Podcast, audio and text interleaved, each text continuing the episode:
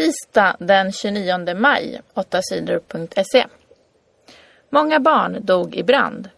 19 människor dog när det började brinna i ett köpcentrum i staden Doha i landet Qatar.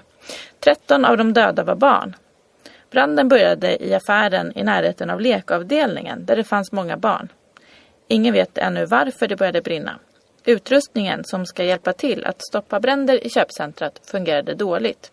Brandlarmet fungerade inte heller bra. Tre av de döda barnen var trillingar från Nya Zeeland. 8 sidor TT. Dålig information till kvinnor med cancer.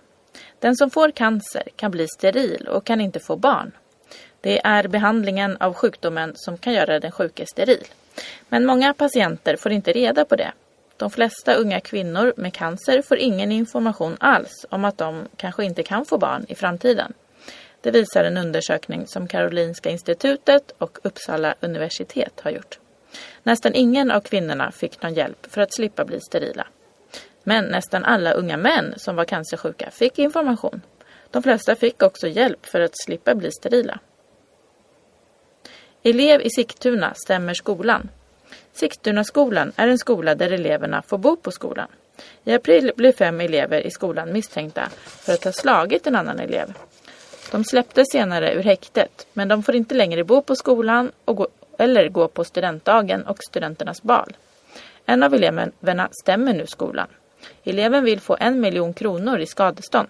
Eleven vill ha pengar för att han missar en väldigt viktig dag i livet, sin egen studentdag. 8 sidor TT. Kofi Annan är i Syrien.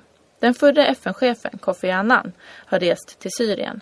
Kofi Annan ska försöka prata om fred med landets ledare Bashar al-Assad. FN har en plan för hur det ska bli slut på våldet i Syrien. Men i fredags fick världen se ännu ett bevis för att våldet fortsätter. Minst 30 barn dödades i en by nära staden Hola. Det var regeringens soldater som dödade barnen, säger FN. Också på söndagen och måndagen fortsatte våldet. Över 30 människor dödades i Hama i måndags. Sju av dem var barn, säger personer i Syrien. Jag är förfärad över det som händer i Syrien, säger Kofi Annan. Fest för Loreen ikväll. Det var en glad Loreen som kom hem till Sverige igen efter att hon vann finalen i Melodifestivalen i Baku i Azerbajdzjan. Många barn mötte henne på Arlanda flygplats på måndagskvällen. De jublade när de fick se sin idol. Ni förstår inte hur mycket jag älskar er, sa Loreen till barnen och journalisterna som var där. Ikväll, tisdag, kommer Loreen att firas på Sergelbiografen, Sergelbiografens tak vid Hötorget i Stockholm. Festen visas också i SVT2 klockan 19.00.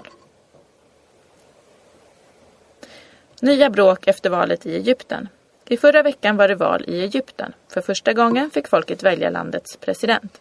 Men när rösterna var räknade blev det bråk. Många människor sa att det varit fusk i valet.